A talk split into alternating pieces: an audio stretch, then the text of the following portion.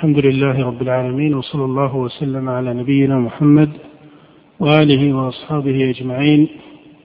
أما بعد فهذا هو المجلس العاشر والأخير في هذه المجالس والمنعقد في اليوم السابع أو الثامن اليوم. في السابع من الشهر السادس من سنة سبع وعشرين وأربعمائة وألف. الثالث نعم في اليوم الثالث من سنة سبع وعشرين وأربعمائة وألف من هجرة النبي صلى الله عليه وآله وسلم في جامع الشيخ عبد العزيز بن باز بمكة المكرمة. آه كنا أتينا على جملة من التعليقات على هذا الكتاب وهو كتاب الاعتصام لأبي إسحاق الشاطبي رحمه الله. وانتهينا إلى آخر الأبواب عند المصنف. وفي هذا المجلس باعتباره آخر المجالس نحاول أن نختصر فإن المقصود من هذا الدرس ليس الوقوف على مفصل كلامه رحمه الله وإنما ذكر جملة من الإشارات والتنبيهات التي يستفيدها طالب العلم عند نظره في هذا الكتاب فإن هذا الكتاب كما سبق وإن كان فيه قدر من التحقيق إلا أنه يرد في كلام المصنف ما ينبغي لطالب العلم أن يكون رفيقا في أخذه هادئا في أخذه وربما التزم المصنف ببعض اللوازم العلمية التي لا يصح أن تكون على هذا الوجه من الالتزام وهذا سبق التنبيه إليه في جملة من مسائل الكتاب. فالكتاب فيه فقه وفيه علم كثير ولكنه ليس على إطلاقه في سائر المسائل بل ثمة مسائل يعرف برد هذا الكلام الذي ذكره الشاطبي رحمه الله إلى الأصول والقواعد وإلى كلام السالفين من أهل العلم ما يتبين به أن قدرا من هذا الكلام هو وجه من اجتهاد المؤلف رحمه الله وليس بالضرورة أي أنه يكون مناسب الأخذ. وربما ناسب أن يؤخذ من جهة دون أختها وهلم جرا قال الباب الثامن في الفرق بين البدع والمصالح المرسلة والاستحسان. هذا الباب الثامن عقده المصنف لهذا المعنى. أراد أن يفرق به بين البدعة وبين المصلحة المرسلة والاستحسان. أنت تعلم أن البدعة عرف أنها مذمومة في الشريعة. ولما ذكر المصنف تعريف البدعة وأنها طريقة في الدين مخترعة قال وإنما ذكرنا هذا القيد وهو أنها مخترعة بمعنى أنه لا أصل لها فإن ما له أصل لا يسمى بدعة. وأنت تعلم أنه إذا قيل الأصل هو النص فهذا وجه بين فهذا وجه بين بمعنى أن ما فيه نص من الشريعة من نصوص الكتاب والسنة فهذا لا يمكن أن يتبادر فيه قدر من الإشكال البتة ما دام أنه جاء فيه نص عن الشارع. وإنما ما يتعلق بالمصالح المرسلة وما يتعلق بالاستحسان فهل ما كان من باب المصلحة المرسلة لا يعد بدعة وما كان من باب الاستحسان لا يعد بدعة الجواب المجمل آه، آه، تقول نعم إنه لا يكون كذلك ولا سيما عند من يعتبرون في الاستدلال الاستحسان اعتبارا أكثر من غيرهم. هو المصنف انتقل أو انطلق من هذا المبدأ أن ما كان من المصلحة المرسلة وما كان من الاستحسان فإنه لا يكون بدعة. يقول لأنك إذا رجعت إلى معنى البدعة وقد عرفها في الباب الأول أنها طريقة في الدين إيش؟ مخترعة. وقال إن المخترع ما لا أصل له. فيقول إن الاستحسان أصل على أقل تقدير عند قوم من أهل العلم كما هو معروف في حكاية الخلاف فيه والمصلحة المرسلة هي أصل كذلك عند قوم من أهل العلم بمعنى أنها وجه من الاستدلال. فبهذا لا يسمى هذا الأمر الذي هو من المصلحة المرسلة أو من الاستحسان لا يسمى إيش؟ لا يسمى بدعة. ما يتعلق بالمصلحة المرسلة وكلام الفقهاء وأهل الأصول في قدرها ورتبتها أنت تعرف أن المصلحة المرسلة والاستحسان تسجل في كتب أصول الفقه ضمن الأدلة المسماة بالأدلة المختلف فيها. ضمن الأدلة المختلف فيها. فإذا تكلموا عن الاستحسان مثلا فإنهم يذكرون ترك الشافعي رحمه الله له ويذكرون اتخاذ أبي حنيفة ومالك له. آه، أريد أن أنبه مع أنه لسنا في تفصيل مسألة الاستحسان أو المصلحة المرسلة ولكني أريد أن أنبه إلى أن المعنى الذي حصل فيه التنازع في باب المصلحة المرسلة أو حصل أكثر منه فيما يتعلق بالاستحسان قدر من هذا المعنى المضمن في الاستحسان وقدر من المعنى المضمن في المصلحة المرسلة فيما يظهر لي من كلام أهل العلم وتطبيقات المتقدمين منهم وخاصة تطبيقات الصحابة الموجودة في كتب المصنفات أن قدرا من معنى المصلحة المرسلة وقدرا من معنى الاستحسان لا نزاع فيه بين أهل العلم. فإذا ما حكي في مذهب الشافعي رحمه الله من ترك الاستحسان وصارت تذكر هذه المسألة على أنها خلافية بين الشافعي وأبي حنيفة ومالك هذا الخلاف قدر منه يعود إلى صور انتظم اسمها بهذا الاسم باسم الاستحسان. فصار يحكى أن مادة الاستحسان كمعنى شمولي فيه هذا القدر من الخلاف. مع أنك إذا رجعت إلى تحقيق المسألة وجدت أن قدرا من معنى الاستحسان وأن قدرا من معنى المصلحة المرسلة لك أن تقول إنه متفق على إيش؟ على اعتباره وماذا؟ وتطبيقه على اعتباره وتطبيقه وإن كان من يطبقه قد يكون بعضهم لا يسميه لا يسميه ماذا؟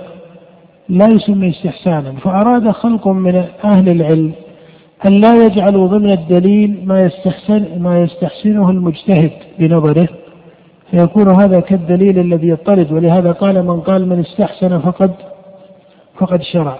حتى لا ينتظم دليل وكأنه دليل العقل ليحكم في هذه المسائل. لكن أنت تعلم أن القياس هو وجه من إيش؟ من استصحاب حكم العقل. لما العقل يحكم على الفرع بمساواته لحكم لحكم إيش؟ لحكم الأصل. فهذا استصحاب للحكم الذي العقل متضمن فيه في ماهيته. فإذا الذي أريد أن أصل إليك نتيجة هنا أن ندرك أن قدرا من الاستحسان ماذا؟ مطبق في كلام سائر المذاهب الأربعة وفي كلام عامة أهل العلم لأنه مما أقرته الشريعة ومما درج الصحابة على اعتباره وتشهد له الأصول ومن باب أولى ما يتعلق بالمصلحة المرسلة بقي بعد ذلك أن يتحول هذا التطبيق إلى ترتيب أصل له اختصاصه وله استقلاله يسمى بالاستحسان ويطرد كثيرا فهذا هو الذي وقع إيش؟ فيه ماذا؟ هو الذي وقع في حكايته الخلاف فتكون النتيجة ليس كل ما تضمنه الاستحسان من المعنى فيه ماذا؟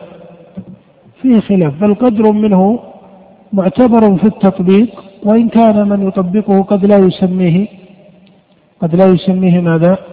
لا يسميه استحسانا وأنا أرى أن ما سمي بالأدلة المختلف فيها لك أن تقول إن أكثرها حصل الجدل في, في, في استقلال أو في اعتباره كدليل مختص مثل القياس. حصل شيء من الخلاف خاصة ما أظهره أصحاب الظاهر كداود بن علي ثم جاء ابن حازم من بعده. بعض أهل الحديث قيدوا القياس. إذا المسألة تعود إلى التقييد. ورب يعني مثل ما صار بين الكوفيين والمحدثين. الكوفيون كما تعرفون كأبي حنيفة يعتبرون القياس كثيرا. المحدثون لا تقول إنهم يبطلون دليل القياس.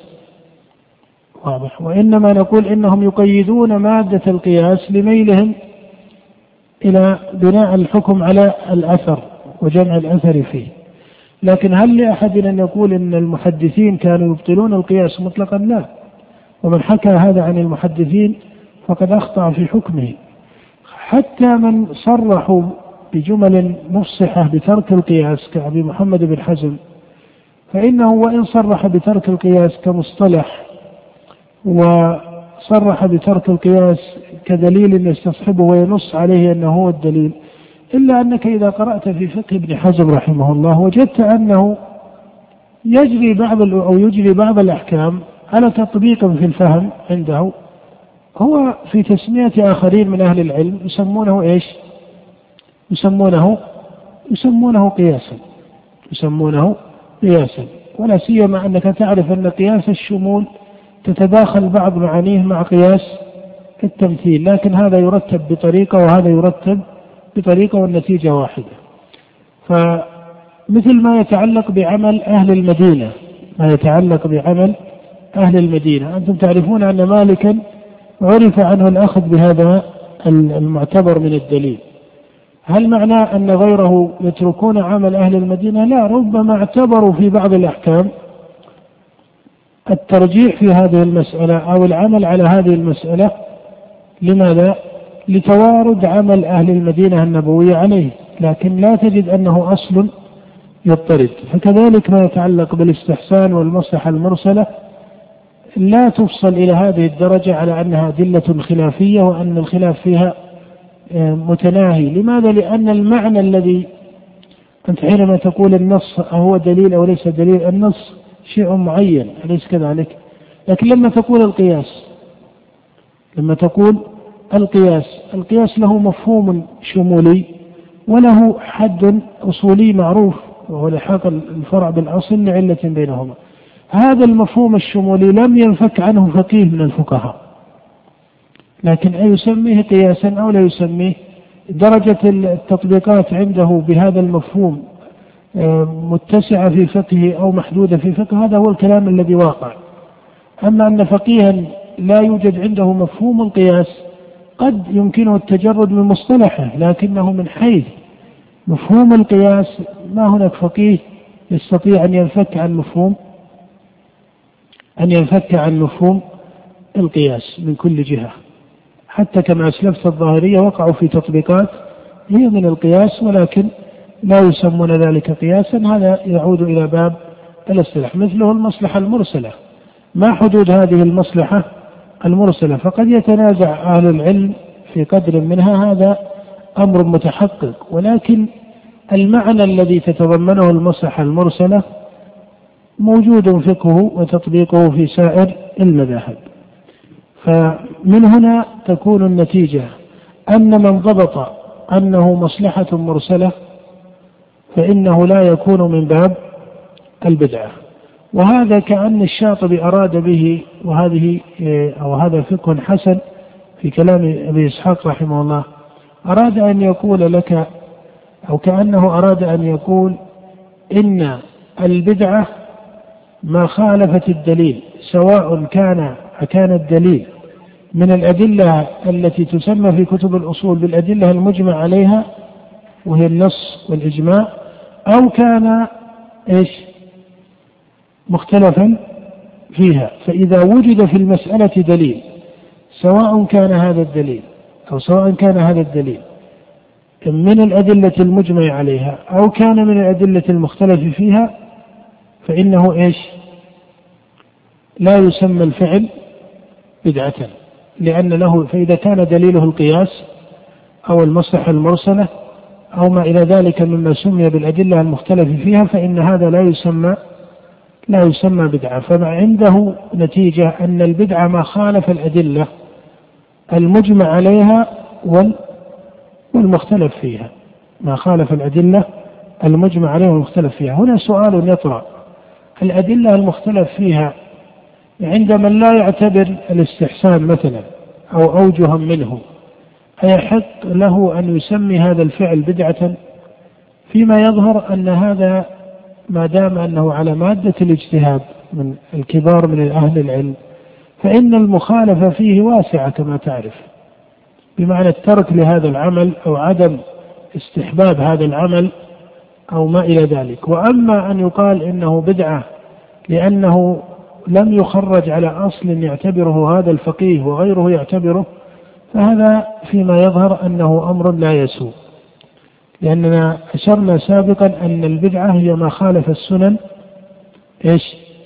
البينة. فأما إذا كان الشيء له وجه من الاستدلال معتبر فإن هذا لا يسمى بدعة. وإلا لو جاز ذلك لساغ للظاهرية مثلا أن يسموا كل ما خالف مذهبهم من أوجه القياس ونتائجه أن يسموه أو من النتائج الحكمية المبنية على القياس أن يسموه بدعة. والأمر لا شك أنه غلط من, من, من هذا الاعتبار. فإذا إذا كان ثمة دليل وإن كان مختلفا فيه فما ينتجه هذا الدليل من الحكم في نظر أهل الاجتهاد المعتبر فإنه يسمى فقها يرد عليه الصواب والخطأ لكنه لا يرد عليه أن يسمى إيش؟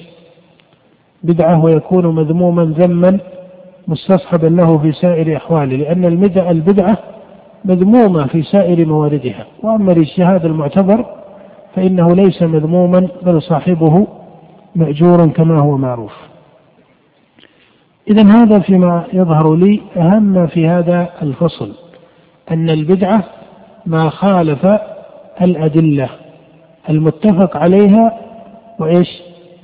والمختلف فيها. فإن قلت إني على مذهب لا يعتبر هذا الدليل المختلف فيه كالاستحسان فيقال يترك الناظر هذا الحكم لا يستحب هذا الحكم ولكنه لا يحكم عليه بكونه بدعة بل يقول أن هذا لا يظهر له دليل. مثل ما إذا تكلمت عن فرع فقهي ولم تر له دليلا ولكنك وجدت أن مذهبا آخر من المذاهب المعتبرة استحب هذا الأمر ورأى له إيش؟ ورأى له دليلا. فلا يجوز أن تحكم على المذهب الثاني بأنه استحب أمرا بدعيا لأنه في نظرك لا دليل عليه. فما دام أنه في ضمن الأدلة المستصحب عند المجتهدين من فقهاء هذه الأمة السالفين فهذا ليس هو البدعة وإنما البدعة مجالها مخالفة السنن البينة فما لا أصل له في الشرع لا نصا ولا ظاهرا لا بدليل صريح ولا بدليل دون ذلك فهذا هو الذي يجوز أن يسمى أو هذا هو الذي يسمى بدعة. وأما إذا كان مبنيا على أصل شرعي معتبر عند أهل الاجتهاد وأهل العلم فإن هذا لا يسمى بدعة إن كان يدخله الصواب ويدخله الخطأ باعتباره من الاجتهاد الممكن.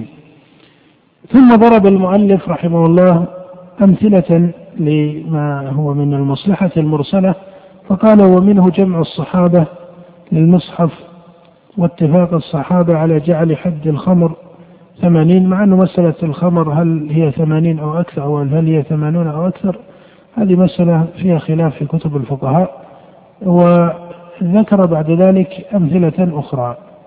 ثم نبه المصنف على معنى مهم في المصلحة المرسلة آه، أرى أنه من المعاني المهمة. يقول وتبين لك أن المصلحة المصلحة المرسلة تعتبر بأمور. الأمر الأول الملائمة لمقاصد الشرع.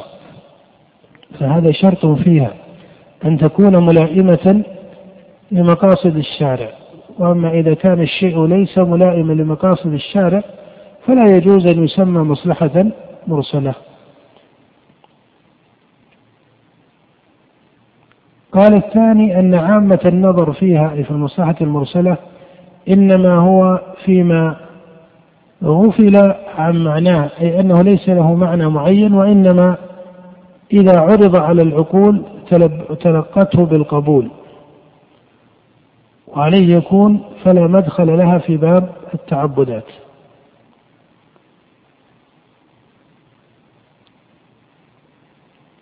الثالث قال أن حاصل المصالح المرسلة يرجع إلى حفظ أمر ضروري ورفع حرج في الدين.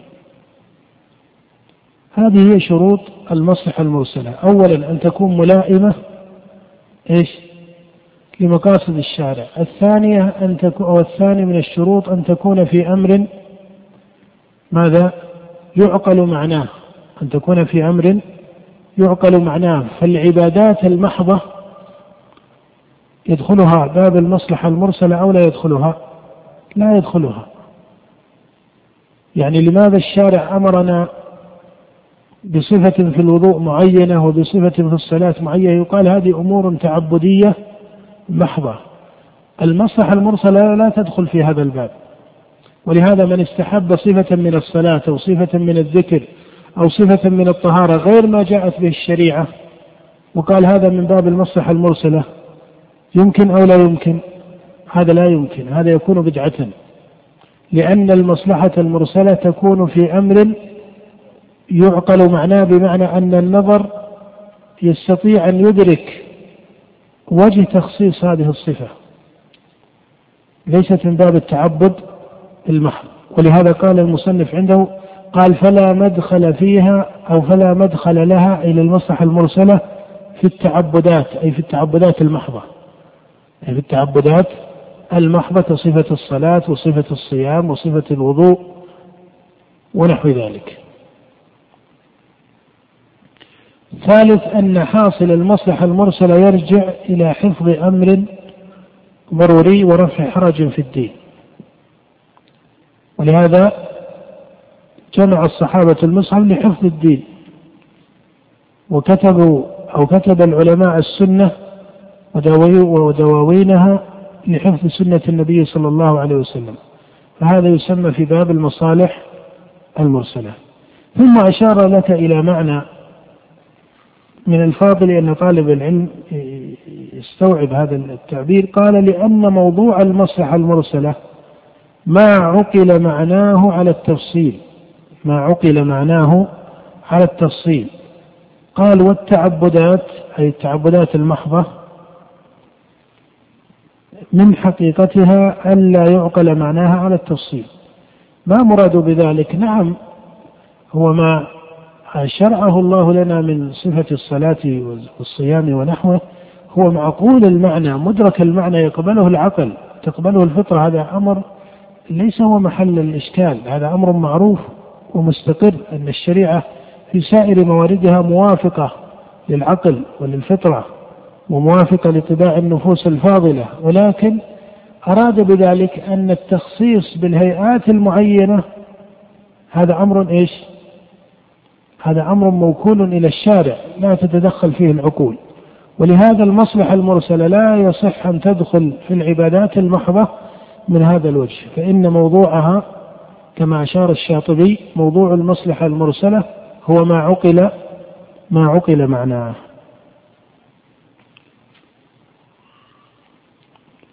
ثم بعد ذلك يذكر المصنف ما يتعلق بالاستحسان ويحكي أن فيه خلافا قال فيراه معتبرا مالك وأبو حنيفة بخلاف الشافعي فإنه أنكره وعرف الاستحسان بأنه ما يستحسنه المجتهد بعقله واستدل من استدل له مثل قوله تعالى واتبعوا أحسن ما أنزل إليكم من ربكم هو الحقيقة أنه من مشكلة بعض الأصوليين رحمهم الله أنهم حدوا الاستحسان بأنه ما يستحسنه المجتهد بإيش؟ بعقله مع أنك إذا تأملت فما هناك أحد من فقهاء المسلمين يقول إن المجتهد إذا وصل رتبة الاجتهاد جاز له أن يحكم بعقله إيش؟ الأحكام التشريعية فيصير مرجعية مطلقة له أن يحرم وله أن يبيح وله أن يحل هذا لا وجود له في فقهاء المسلمين أبدا. إنما المقصود بهذا الكلام أنه ما يستحسنه المجتهد بمعنى أنه يرى أن هذا من مادة الشريعة إما طردا لعموم أو استصحابا لأصل أو قياس أو ما إلى ذلك. فلا بد أن هذا المستحسن لهذا الحكم أو الذي رأى هذا الحكم سواء سميته استحسانا أو لم تسمه لا بد أن له إيش؟ لا بد أن في نفسه أو عنده معتبر من الدليل أخذ منه هذا الحكم. وأما أن الاستحسان هو ما استحسنه المجتهد بعقله أي بمجرد خاطره العقلي فإن هذا لا وجود له. لا عند أبي حنيفة ومالك وليس هو الأمر الذي ينبغي أن يكون يحكى الخلاف فيه. ولهذا أقول إن الاستحسان نعم ثمة تفاوت بين الفقهاء في اعتباره. مثل ما تفاوتوا في اعتبار إيش؟ العمل بالقياس. فتقول إن أهل الكوفة أكثر عملا بالقياس من أهل الحديث. وما يتعلق بأقوال الصحابة فالمحدثون أكثر عملا بآثار الصحابة من من من أهل الرأي لأسباب علمية معروفة فمثله الاستحسان مادته موجودة أما أن الاستحسان وما رآه المجتهد بعقله أي بمجرد العقل والخاطر فهذا لا وجود له لا في مذهب مالك ولا في مذهب أبي حنيفة ولذلك تجدهم بعض الأصوليين يقول أن مالكا يقول هو تسعة أعشار العلم. يعني هذه الكلمة أولا هل صحت عن مالك ولم تصح عنه؟ لكن غير هذا أن مالكا رحمه الله وهو إمامه في السنة والأثر لا يمكن أن يكون المقصود عنده إيش؟ المعنى الذي أشار إليه بعض المتأخرين من أهل الأصول. فإذا كنتيجة التصنيف الأصولي المتأخر لبعض هذه المسائل هو فيه نظر من جهة طريقة ترتيب الخلاف.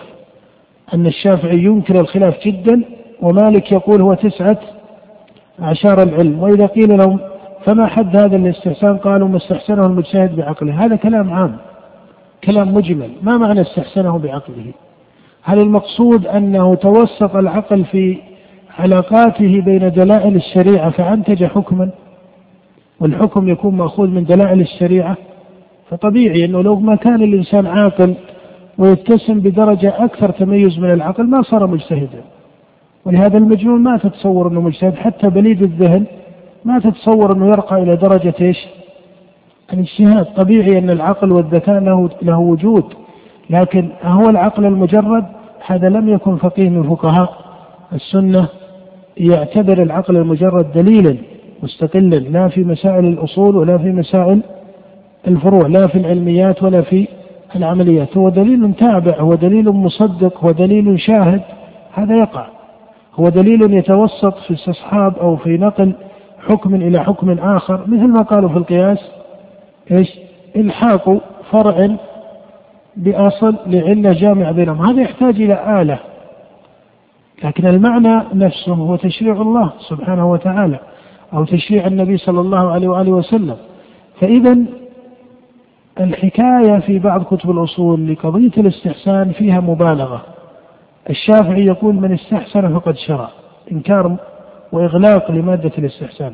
ويحكون عن مالك أنه يقول تسعة أعشار العلم مع أنك إذا رجعت وجدت أن مالكا والشافعي ما بينهما ذلك الانفصال الواسع في العلم فكلاهما إمام من أئمة السنة كلاهما إمام من أئمة الأثر والحديث كلاهما إمام في الأخذ بالآثار كلاهما إمام في اعتبار فقه الآثار فليس محدثا مطبقا على الحديث أو منصرفا إلى جمع الرواية ولم ينقل له فقه كلاهما لهم فقه معروف ولهم فقه متبوع أيضا.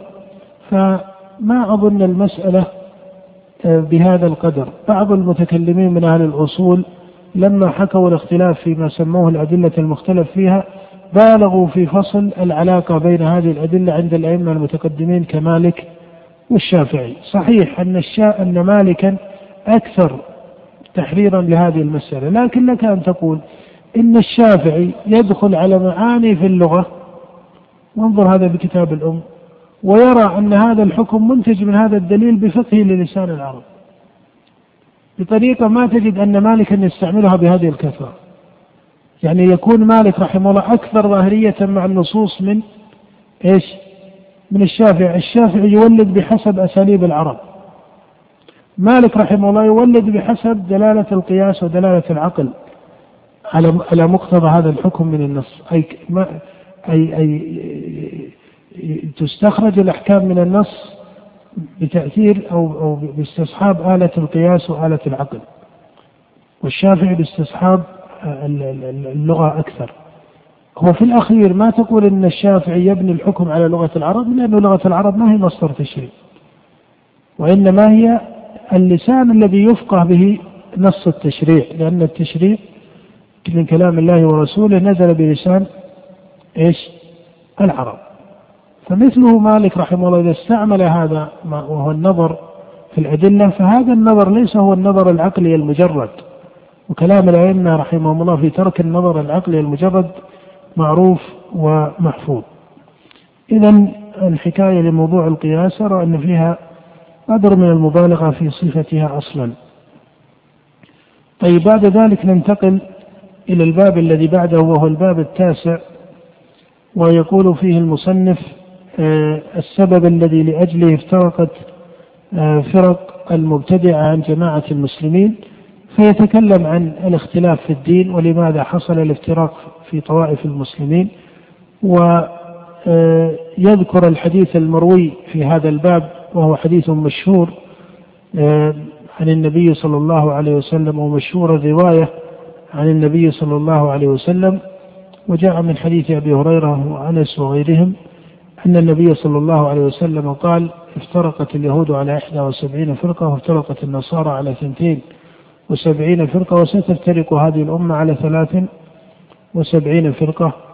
وهذا الحديث كما تعرف ليس مخرجا في الصحاح المتفق عليها كصحيح البخاري أو صحيح مسلم يعني ليس هو من الأحاديث المطبق على صحتها لا من جهة استفاضة صحته عند الأئمة ولا من جهة كونه مخرجا في الصحيحين أو في أحدهما على أقل تقدير بل هو حديث جاء في السنن ومن حيث الرواية بعض الحفاظ قواه واعتبره وصححه وهذا هو المشهور فيه ولكن من باب الفهم العلمي والإشارة العلمية تعرف أن بعض الحفاظ تكلم في صحة هذا الحديث. آه، المصنف طبعا جعل تحت هذا الحديث ستا وعشرين مسألة جعل تحته ستا وعشرين مسألة سأقرأها على سبيل الاختصار ولكن آه هذا الحديث سواء قيل بصحته أو قيل بأنه ليس بمحفوظ أي أنه ضعيف لأي سبب من أسباب الضعف هل هذا الحديث أفاد حكما مختصا من جهة الأحكام الشرعية على مسألة افتراق الأمة؟ لو رجعت إلى جمله ووقفت معها لوجدت أنه ما اختص بمعنى إلا معنى واحد وهو أن العدد في فرق هذه الأمة هو على هذا القدر أنها ستفترق على إيش؟ 73 وأما قوله من أوله افترقت اليهود فافتراق اليهود أمر إيش؟ معروف في القرآن ومعروف في السنة ومعروف حتى في كتب اليهود. وافترقت النصارى أيضا افتراق النصارى أمر معروف وشاهد وقائم. والشيء إذا كان مشاهدا لا, لا لست بحاجة إلى أن تقول ما الدليل على وجوده. لأن أقل ما يستدل على وجوده بإيش؟ بوجوده. هذا هو المنطق البسيط ترى. فافتراق النصارى موجود في التاريخ وظاهرة قائمة في التاريخ ما أحد ينكرها إلى الآن. إذا افترقت اليهود وافترقت وستفترق هذه الأمة. أيضا افتراق هذه الأمة الأمة المحمدية أمر إيش؟ موجود. هناك طوائف وهناك طوائف تقاتلت وهناك طوائف كفر بعضها البعض الآخر. هناك طوائف بدعية اشتغلت بهذه المادة مادة الافتراق والتكفير والتبديع وما إلى ذلك. هذا موجود. هذا موجود وتجد أن أئمة السنة والجماعة حكموا على بعض هذه الطوائف بالضلال والبدعة. هذا أمر معروف الخوارج خرجوا على علي بن أبي طالب المعتزلة اعتزلت الجهمية القدرية إلى آخر. هذا أمر ما أحد يستطيع لأنه جزء من التاريخ القائم الشاهد. وأيضا الرسول عليه الصلاة والسلام في الحديث المحفوظ والمنضبط صحة بل هو متواتر قال كما جاء من رواية بضعة عشر صحابيا لا تزال طائفة من هذه الأمة على الحق ظاهرين لا يضرهم من خذلهم ولا من خالفهم. فهذه الأمة فيها هذه الطائفة فهذا يدل على وجود هذا الاختلاف. فإذا هذا الاختلاف ما هو تشريع بمعنى أننا نبحث عن هذا الاختلاف أو نحاول أن نوجده أو نتكلف في وجوده ولكنه جزء من من قدر الله سبحانه وتعالى. وأنا أشرت في أول مجلس إلى أو ربما في الثاني لما ذكر المصنف في مقدمة الكتاب بدأ الإسلام غريبا وسيعود غريبا كما بدأ وهذا حديث ثابت في الصحيح في صحيح مسلم من غير وجه. هناك معنى ذكر ما هو هذا المعنى؟ يعني مثل حديث بدأ الإسلام غريبا حديث افتراق الأمة حديث الفتن في آخر الزمان. والملاحم في آخر الزمان فيها فقه. ما هو هذا الفقه؟ أن هذا من باب الحقيقة إيش؟ القدرية. النبي يقول بدأ الإسلام غريبا وسيعود غريبا كما بدأ. هذا ما هو تشريع من للنبي من النبي للغربة بحيث أن الإنسان ماذا؟ هو الذي يصنع الغربة ويتكلف الغربة ويعتزل ويكون عنده عزلة كما يقال شعورية بالغربة وما إلى ذلك. من استصناع الشيء. لا هو خبر قدري هو خبر قدري. فمثله لما قال لا تزال طائفة من هذه الأمة على الحق. هذا خبر عن القدر الذي قدر الله جل وعلا حكمة من الباري سبحانه أنه سيقع. طيب ما الحل أو ما هو المنهج مع هذا القدر عند وقوعه؟ بين لك الشارع. هنا هو الاستمساك بالسنة والهدي الذي كان عليه الصحابة رضي الله عنهم. فإذا هذا الحديث من هذا المعنى.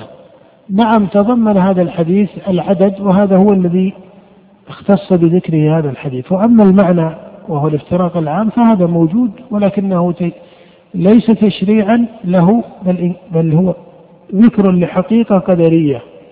هو ذكر لحقيقة من حقائق القدر وليس من باب التشريع لأن الله أمرنا بالاجتماع والاتفاق ونهانا عن التفرق والشتات واعتصموا بحبل الله جميعا. فهذا هو الشرع. الشرع ما هو أن نفترق هذا خبر قدري وستفترق هذه الأمة هذا من أخبار القدر. لكن الشرع هو قول الله واعتصموا بحبل الله جميعا ولا تفرقوا. فإذا لا ينبغي لطالب العلم أن يبحث أو أن يتكلف في صناعة الافتراق أو صناعة الغربة أو صناعة هذه المعاني القدرية لأنها إذا قدر الله وقوعها ستقع. إذا قدر الله وقوعها ستقع. وليست هي مما يستعجله أحد الناس. قد يقول قائل إن الحديث في آخره كلها في النار إلا واحدة يقال أولا هذه الرواية فيها كلام معروف ولو قيل بثبوتها فتكون من جمل الوعيد العامة تكون من جمل الوعيد العامة التي لا تستلزم الحكم على العيان مثل قول الله تعالى ومن يعص الله ورسوله ويتعدى حدوده يدخله نارا خالدا فيها. ولا تقول الآن إن كل من عصى الله فإنه يحكم عليه بهذا الوعيد. بل هذا تحت مشيئة الله. ولهذا نبه شيخ الإسلام ابن تيمية رحمه الله إلى أن قوله كلها في النار هي من جمل الوعيد العامة كأي وعيد جاء في القرآن فهو معلق بعلم الله وحكمته ومشيئته. معلق بعلم الله وحكمته ومشيئته. فالمصنف على كل حال يقول الاختلاف الواقع على أوجه. الاختلاف في أصل النحلة كاليهود والنصارى والمجوس هو يقسم الخلاف الآن. يقول الخلاف ثلاثة أوجه. الخلاف في أصل الدين والنحلة في أصل انتساب الإسلام من عدمه كاليهود والنصارى والمجوس. ثم يقول الوجه الثاني الاختلاف في الظنيات. ويقصد بالاختلاف في الظنيات؟ مثل اختلاف الفقهاء الأربعة في مسائل الفقه. ثم يقول والثالث من أوجه الاختلاف يقول وهو وسط بين الرتبتين. أن يقع الاتفاق في الأصل ويقع أي في في أصل دخول الإسلام ويقع الاختلاف في بعض قواعده الكلية أو أصوله الكلية. وهذا هو الذي وقع بين طوائف المسلمين فيما سمي بأهل السنة ومن خالفهم في هذا الباب أو فيما هو معروف عند أهل السنة والجماعة ومن خالفهم في هذا الباب من طوائف أهل البدع. ثم يقول المصنف وهذا الاختلاف له أسباب. أسباب الاختلاف في الوجه الثالث. إذا الاختلاف الموجود عند المسلمين أي الوجهين؟ الأوجه الثاني والثالث. الأول لا وجود له لأنه يقول لك الخلاف في أصل الدخول في الإسلام. إذا الذي يوجد عند المسلمين إما اختلاف في أمور ظنية مقبولة الخلاف وواسعة الخلاف وهي الاجتهاد كالمذاهب الفقهية فهذه أمرها واسع. وهذا الاختلاف في الجملة قدر من رحمة الله. وإن كان إذا قيل أنه رحمة لا مثل هذه الجملة الخلاف رحمة هو ما هو رحمة من حيث التشريع هو رحمة من حيث الواقع القدري. يعني الواقع القدري هذا أصبح جزءا من رحمة الله لعباده المسلمين لأنهم ما وكلوا إلى رأي مجتهد ماذا؟ إلى رأي مجتهد واحد لكن هو من حيث التشريع لا يشرع أن المجتهدين يقصدون إلى الخلاف. كل ما اتفق المجتهدون فيكون هذا أضبط ديانة وأحكم علما. نعم. على كل حال يقول هذا الاختلاف له أسباب. يعني الاختلاف الذي هو بين السنة والبدعة. يقول الأول أن يعتقد الإنسان في نفسه أو يعتقد فيه من غيره أنه من أهل الاجتهاد في الدين فيعمل بذلك ويكون له رأي وهو ليس كذلك. يعني هو المصنف الآن ترى يتكلم في موضوع من أخص الموضوعات أهمية يقول الذي تكلم بالبدعة كيف نشأت البدعة عند المسلمين؟ ما أسبابها؟ هي البدعة تكلم بها الرجال وتكلم بها الناس أليس كذلك؟ فهذه البدعة تجد أن أصلها منسوب للجهم بن صفوان وهذه لغيلان الدمشقي ومعبد الجهني وفلان وفلان. يقول هذه الأسباب من أين؟ لماذا تكلموا بالبدعة؟ والقرآن موجود والسنة موجودة. يقول هناك أسباب أخصها عنده أربعة من الأسباب. قال السبب الأول أن يعتقد المتكلم في نفسه أنه وصل رتبة الاجتهاد أو يعتقد فيه من الجمهور الذي حوله فيؤهلونه ويتعاملون معه كأنه وصل إلى إيش؟ رتبة الاجتهاد فيجعلونه مرجعية علمية لهم وتجد أنهم يرجعون إليه في الصغيرة والكبيرة من المسائل فينطبع تنطبع نفسه بإيش؟ تنطبع نفسه بهذه الحال فيكون إيش؟ مستقبلا لهذا التوجه الذي ابتلاه الجمهور المحيط به إما من العامة أو من جماعة له أو من أي سبب من هذه الأسباب. فيبقى يجيب في الكليات وفي الفروع وفي الأصول وهو ليس كذلك أي هو حقيقته العلمية أنه ما وصل رتبة الأهلية والكفاءة العلمية لأن يكون مجتهدا. يقول فهذا هو من أكثر ما يسبب نشوء البدع. لأنه يبدأ يفتي أو يقول في مسائل هو ليس فيها بفقيه وليس هو فيها بأهل فيقول فيها فيعتبرها العامة عنده أو الجمهور عنده. فماذا؟ فتكون بدعة في الدين وتجري على تطبيق العامة أو اعتبار العامة وكأنها من السنن ومن العلم المحكم. وهذا يحكمه قول الله جل وعلا ولا تقف ما ليس لك به علم. وذكرت فيما سبق أن ثمة أصلين شريفين في العلم أن الله نهى عن كتمان العلم. هذا معروف. ولكن مع هذا كما أن الله نهانا عن كتمان العلم فقد نهانا عن القول بغير علم. فلا ينبغي لطالب العلم أن يتقدم ويقول حذرا من كتمان العلم. لا الله نهى عن كتمان البينات. إن الذين يكتمون إيش؟ ما أنزلنا من البينات والهدى. إذا كان الشيء بينا وبين الهدى فهذا هو الذي لا يجوز كتمانه. كتمانه من أشد الموبقات. لأن الله أخذ الميثاق على أهل العلم أن يبينوه للناس ولا يكتمونه. ولكن ما كان ليس من البينات وإنما هو قدر من التخرص. فإن كتمانه والسكوت عن هذا هو الأصل. لأن الله جل وعلا يقول في ذكر غير المسلمين إن يتبعون إلا الظن وما تهوى الأنفس. فالعبرة هنا بهذه المادة. إذا هذا سبب شريف وينبغي لطالب العلم أن يعتبره وينبغي للعاقل حتى من الشيوخ أن يكون مدركا لهذه المعاني وأن العامة لا ينبغي أن يخبب الخاصة من أهل العلم.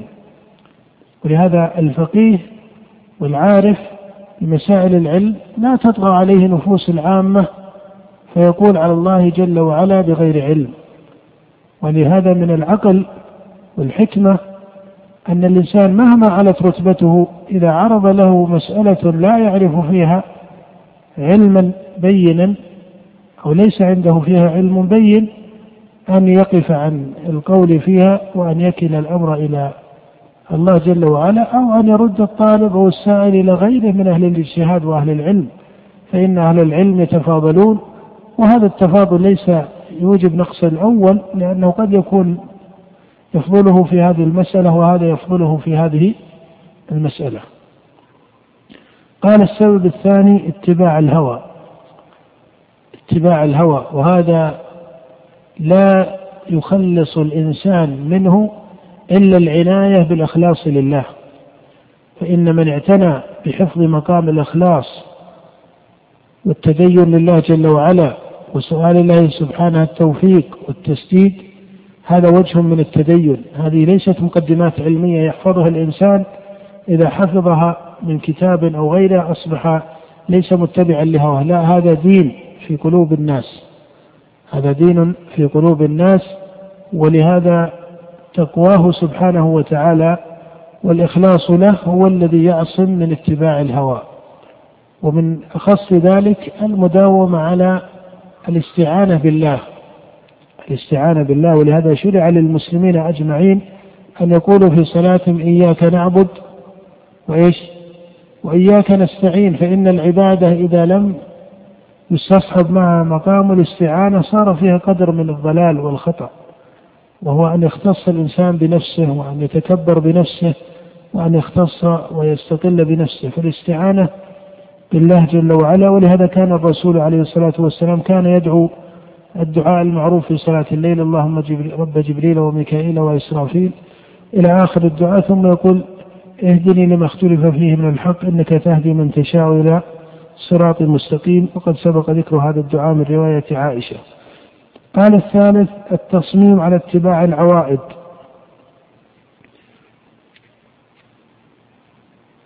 وإن كانت مخالفة للحق. كما تعرفون أن العوائد قد تكون عوائد من عوائد ما يسمى في المصطلح المعاصر بالعوائد الاجتماعية. أو أحيانا تكون عوائد دينية آه، موجودة عند بعض السالكين وبعض العابدين مثل بعض جماعات آه، الصوفية يقولون هذا من عوائد الشيوخ أو هذا من رسوم الشيوخ أو ما إلى ذلك. فالاتخاذ للعوائد وتعظيم العوائد هذا نقص في التدين لله جل وعلا. صحيح أن العادة معتبرة في الشرع والعرف معتبر في الشرع ولكن غلبت العوائد على الشريعة وهيمنة العوائد على فهم الشريعة هذا لا شك أنه لا شك أنه وجه من الضلال. فإن الشريعة لما جاءت هل أرادت من الناس أن ينسلخوا من عوائدهم وأعرافهم؟ هل أرادت منهم ذلك؟ الجواب لا. ولكن الشريعة جاءت مهيمنة ولهذا وصف الله القرآن بأنه إيش؟ بالهيمنة أي أنه هو الذي يهيمن على غيره فهو الذي يبين به الحق لأنه كتاب محفوظ وما دخله تحريف. فكذلك الشريعة إذا نظرت إليها وأخذتها على أنها هي التي تهيمن على العوائد بمعنى تصلح ما فسد منها وتزيد الصالح صلاحا وتهذب هذه العوائد فهنا يكون الجمع بين الشريعة والعوائد جمعا إيش؟ جمعا ماذا؟ ممكنا صحيحا وأما الذي يقع فيه الغلط فأن تجعل العوائد ماذا؟ هي التي تهيمن على النص. ومن صور انتبه لهذا ومن صور هيمنة العوائد على النص. تفسير النص من خلال إيش؟ هذه العوائد الاجتماعية. لا هو النص هو الذي يهيمن على المجتمع وليس المجتمع يهيمن ماذا؟ على النص لأن النص هو الحاكم والمجتمع بعوائده إيش؟ محكوم. ترى هذه مسألة مهمة ومهمة في الفقه ولهذا نقول نعم العوائد معتبرة والاعتبار العرف معتبر ومن الفقه في الدين اتخاذ العرف كما قال جماعة من أهل العلم. ولكن الهيمنة والحكم هو لكلام الله وكلام رسوله عليه الصلاة والسلام. ومما أراده الله أو مما جاء في كلام الله ورسوله هو الرفق بالناس والإقرار لما هم عليه من العوائد الحسنة وإصلاح ما فسد من عوائدهم وتهذيب هذه العوائد. هذا هو الصحيح. نعم. قال الثالث أو عفوا نعم قال الثالث التصميم على اتباع العوائد وإن كانت مخالفة للدين. ثم قال وهذه الأسباب الثلاثة راجعة في التحصيل إلى وجه واحد وهو الجهل بمقاصد الشريعة. ثم بعد ذلك يدخل المصنف في شرح حديث الافتراق ويذكر فيه كما أسلفت 26 مسألة فيقول ما حقيقة الافتراق؟ وهذه سبق الإشارة إليها. يقول ما سببه؟ وهذا أيضا سبق الإشارة إليه. يقول هل أهل هذه الفرق خارجين عن الإسلام؟ تكلم بكلام وأجاب بأنهم ليسوا خارجين عن الإسلام في الجملة وإنما هم من أهل الوعيد. على كل حال هذه مسألة آه، لا يجوز أن يقال إنهم خارجون عن الإسلام بمعنى أن يكفر المبتدع فإن إطلاق تكفير أهل البدع كما قال شيخ الإسلام لم يعرف عن أحد من السلف وإنما قاله بعض المتأخرين. هناك طوائف غلت من أهل البدع وصلت إلى رتب من الغلو كغلاة القدرية ونحوهم. هؤلاء هم الذين تكلم فيهم بمادة أغلب لكن كنتيجة عامة هناك تقسيم ذكره الإمام ابن تيمية رحمه الله في شرح حديث الافتراق في شرح هذا الحديث في المجلد الثالث من فتاواه. لا يسع الوقت للدخول فيه لكن أشير إلى محله وممكن أن الإخوة يرجعون إليه.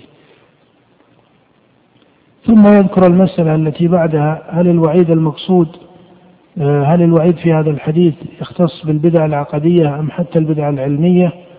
ويرى الشاطبي أنه شامل لكلا النوعين ثم يذكر المسألة الخامسة متى يطلق على جماعة أنها مخالفة للفرقة الناجية وذكر أنها لا بد أن تخالف فيما هو كلي وهذا المعنى في الجملة صحيح وإن كان يحتاج إلى تفصيل. ثم يتكلم عن تعيين المسألة السادسة تعيين هذه الفرق فيقول إن بعضا من المتأخرين من العلماء عينوها ثم يقول والصواب أنه لا يدخل في تعيينها وهذا الذي قاله واختاره رحمه الله هو المنهج الصحيح والحق أنه لا يجوز الاشتغال بإيش؟ بأسماء هذه الطوائف إلى هذا العدد حتى تنتهي إلى 72 لأنه إذا نظرت في التاريخ الإسلامي الذي انصرم وجدت أن أصول هذه البدع لا تصل إلى هذا العدد وإذا اعتبرت تفصيلها إيش؟ زاد عن العدد كثيرا. يعني مثلا إذا قلت من هذه الطوائف مثلا المرجئة فإن قلت المرجئة طائفة واحدة فهذا معنى. أو تقول المرجئة كما قال أبو الحسن الأشعري في مقالاته أنهم ثنتا عشرة طائفة أو فرقة فهذا يدخله الإجمال فيقصر أو التفصيل فيزيد. هذه من جهة. من جهة ثانية أن الأئمة ما اشتغلوا بهذا السبر والجمع والحصر. من جهة ثالثة أن النبي صلى الله عليه وسلم أخبر أن الأمة إيش؟ ستفترق. وهذا كما تعرف لا تناهي له بمعنى أنه يمكن أن فرقا ما إيش؟ لم تحدث بعد. يمكن أن فرقا ما مما هي مرادة في هذا الحديث لا تكون قد حدثت. وعليه في الاشتغال بهذا كما قال شيخ الإسلام ابن تيمية رحمه الله هو من القول بغير علم. الاشتغال بتعيين هذه الطوائف وأسمائها هو من القول بغير علم وإنما تعرف السنة ومن خالفها معرفة مجملة. وإذا نسبت الطوائف إلى أعيان معروفين فهذا أمر واسع لكن هو الكلام آه، في صبر هذا العدد الذي جاء في الرواية. قال المسألة الثامنة في علامات هذه الفرق. نعم. المسألة آه، السابعة في علامات هذه الفرق وذكر من علاماتهم أنهم متفرقون والله ورسوله عليه الصلاة والسلام آه، أمر المؤمنين بالاجتماع كقول الله تعالى واعتصموا بحبل الله جميعا ولا تفرقوا يقول ومن علاماتهم أنهم يتبعون المتشابه ولهذا صاحب السنة يتبع إيش؟ يتبع المحكم ويرد المتشابه إلى المحكم وقد أشرت سابقا إلى أنه لا ينبغي القول بأنه يترك المتشابه لأنه ما من شيء من القرآن إلا وهو حق ولكن الحكمة هنا أنه يرد المتشابه إلى ماذا؟ إلى المحكم قال والثالث أنهم يتبعون الهوى وهذه أشار إليها فيما سبق ثم يذكر بعد المسألة بعدها فيقول اختلاف الروايات في عددها. وأجاب بأن الروايات قد اختلفت في عدد هذه الفرق هي ب 73 أو دون ذلك. وهذا أمر كما أسلفت لا نتيجة له ضرورية في العلم. فما يثبت منه يحفظ وما يكون في ثبوته نظر يترك. يقول هل في فرق اليهود والنصارى فرقة ناجية؟ هذا السؤال لا علاقة له بهذا الباب الذي نحن فيه.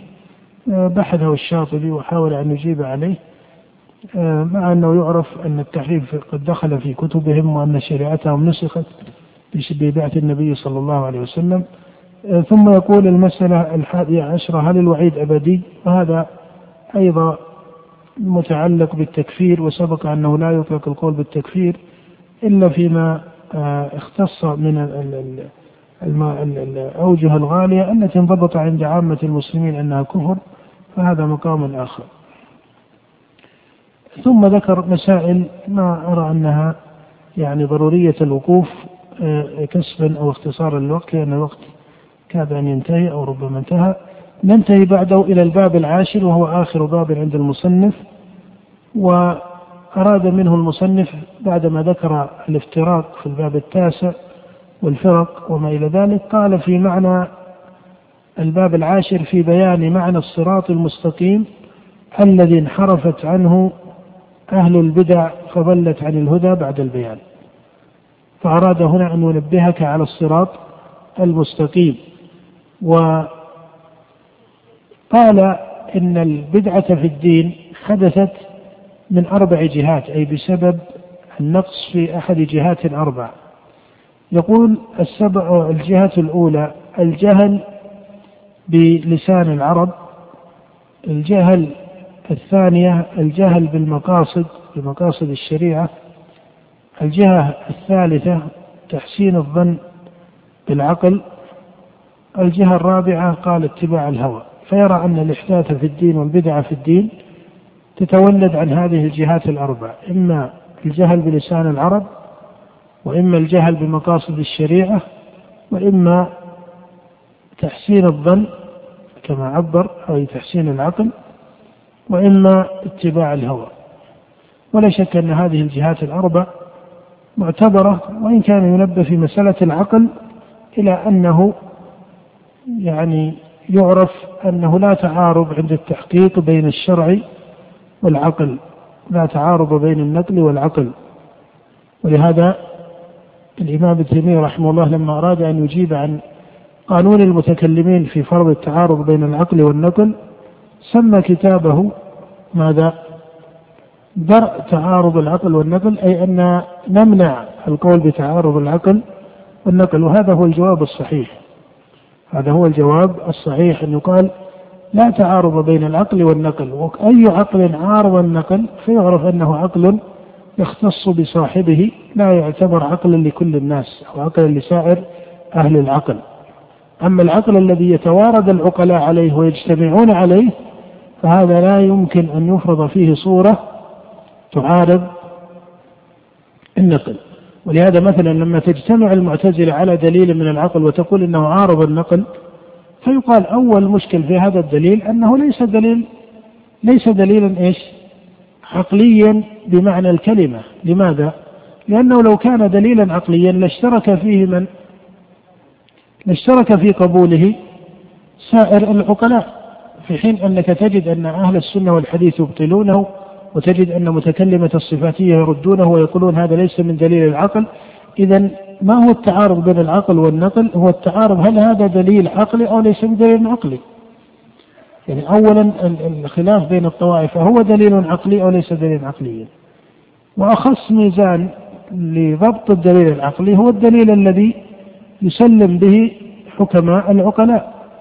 فإذا كان الدليل يتفق عليه في الجملة حكماء أهل العقل ونظار أهل العقل الذين يدركون لتراتيب العقل هذا يكون دليلا عقليا. أما أن تختص طائفة بدليل وتسميه دليلا عقليا وتجعله معارضا للشرع فهذا من باب التخرص في المقدمات العلمية. آه، فإذا مسألة العقل مسألة ينبغي التوسط فيها لأن أهل السنة وسط بين منهجين. المنهج الأول الذي أسقط العقل واطرحه في اطراحا كليا وبنى على الذوق وبنى على التخرصات والمنامات وأشياء من هذا القبيل. وبين منهج غلا فاعتبر دليل العقل وجعله معارضا للنقل. فأهل السنة وسط في اعتبار دليل العقل وأن العقل ليس دليلا مختصا ليس دليلا مستقلا وإنما هو شاهد وأداة ووسيلة للاعتبار والفهم وما إلى ذلك. ولهذا تجد في فقههم القياس والاستحسان وما إلى ذلك من الأمور التي لها محل نظر باعتبار دليل العقل. وتجد في مسائل أصول الدين يحتجون بأوجه من النظر الشرعي والنظر العقلي. لا يبنى عليه ثبوت الديانة والأصول وإنما يكون شاهدا آه، مجامعا لنص من نصوص الكتاب والسنة. كما استدل الإمام أحمد على إثبات علو الله بالعقل فإن علو الله جل وعلا معروف بدلائل الشريعة ومعروف بالفطرة ومعروف بدلالة العقل وهلما جرا هذا أيها الإخوة آه، قدر من هذه التلخيصات لهذه الأبواب في آخر كلام أبي إسحاق وبعد ذلك نقول يعني إشارة مختصرة إلى أن هذا الكتاب الاعتصام لأبي إسحاق الشاطبي يعد من آه، أجود كتب آه، أهل العلم وأفضلها ومؤلفه رحمه الله اعتنى فيه وأراد أن يجمع فيه مادة آه، ونظاما يكون لطالب العلم في فقه الاعتصام بالسنة. والفرق بين السنة والبدعة وتضمن كلامه في جملة من الفقه وجملة من الإشارات العلمية الفاضلة ولكن لا ينبغي أن يغلى في هذا الكتاب أكثر من هذا. لا ينبغي أن يغلى في هذا الكتاب أكثر من هذا فيجعل ميزانا للفرق بين معاني السنة ومعاني البدعة. أو تطرد اختيارات المصنف فيه أو يفرض أنها منهج عام في كل موارده لسائر العلماء أو لسائر أهل السنة فإنما في هذا الكتاب قدر منه معروف محفوظ بالإجماع وقدر منه هو رأي معروف لطائفة من الفقهاء وقدر منه فيما هو عند التحقيق من اجتهاد من؟ من اجتهاد الشاطبي. فالجمل العلمية في هذا الكتاب باختصار ثلاثة أقسام. قسم من هذه الجمل متفق عليه بين أهل العلم وقسم من هذه الجمل هي معاني لطائفة من أهل العلم معتبرة لكن يدخلها الترجيح وترك الترجيح. وقسم منه هي من إشارات المصنف وتكميلاته وتنبيهاته التي بعضها تنبيهات فاضلة وبعضها قد تكون محل تردد في قبولها أو في اعتبارها. فهذا فيما يظهر لي هو الوسط عند طالب العلم الفقيه في اعتبار أمر هذا الكتاب الذي اعتنى فيه المؤلف وإلا فعليه معاخذ كما أسلفنا في بعض المسائل المتعلقة بالأصول كمسألة التحسين والتقبيح وتأويل الصفات من حيث القول بالتفويض. هذه مسائل آه، مما أخذ على الشاطبي فيها أخذا بينا. لكن في المادة العامة على الكتاب وهي مسألة السنة والبدعة والفرق بين أوجه السنن والبدع وضابط البدعة والعادات والعبادات وهذه الأمور التي حاولنا أن نتعرف عليها أو أن نتحدث معها في هذه المجالس العشرة. هذه المعاني ينضبط فيها أنها على ثلاثة أقسام. قسم منه إيش؟ من العلم المحكم المتفق عليه أو متفق عليه على أقل تقدير في الجملة. وقسم منه هو من ما اختلف العلماء فيه وقسم منه هي من إشارات الشاطبي التي اختص بها بمعنى أنه عني بالتنبيه عليها والقسم الأول كما هو مستقر محل قبول واعتبار والقسم الثاني محل اختيار ونظر والقسم الثالث كذلك محل اختيار ونظر. فهذا هو المنهج الوسط لأني أشوف أن بعض طلاب العلم بالغوا في إسقاط رتبة هذا الكتاب وأنه فيه بدع وفيه غلط في الصفات وفيه كذا هذا صحيح. فيه غلط في موضوع الصفات وفيه في مسألة التحسين والمصنف متعثر كثيرا بطريقة متكلمة الصفاتية من المتأخرين. هذا أمر معروف. ولكن المصنف حريص على السنة وعني بها ولكنه أراد رحمه الله أن يعطيك نظرية وهذا يبدو لي من إشكاليات الكتاب. أراد أن يعطيك نظرية أشبه ما تكون في التعبير بالنظرية إيش؟ الرياضية التي بها تعرف أنه هذا سنة وهذا إيش؟ بدعة. مثل ما تقول في الرياضيات واحد زائد واحد يساوي إيش؟ اثنين. هذا قانون رياضي ما يختلف. الموضوع حقيقة ما هو موضوع موضوع السنة ومعناها والبدعة والتفريق بين السنن والبدع والتبديع ومتى يبدع ومتى لا يبدع. موضوع ما هو موضوع نظرية حرفية. الموضوع حقيقته إيش؟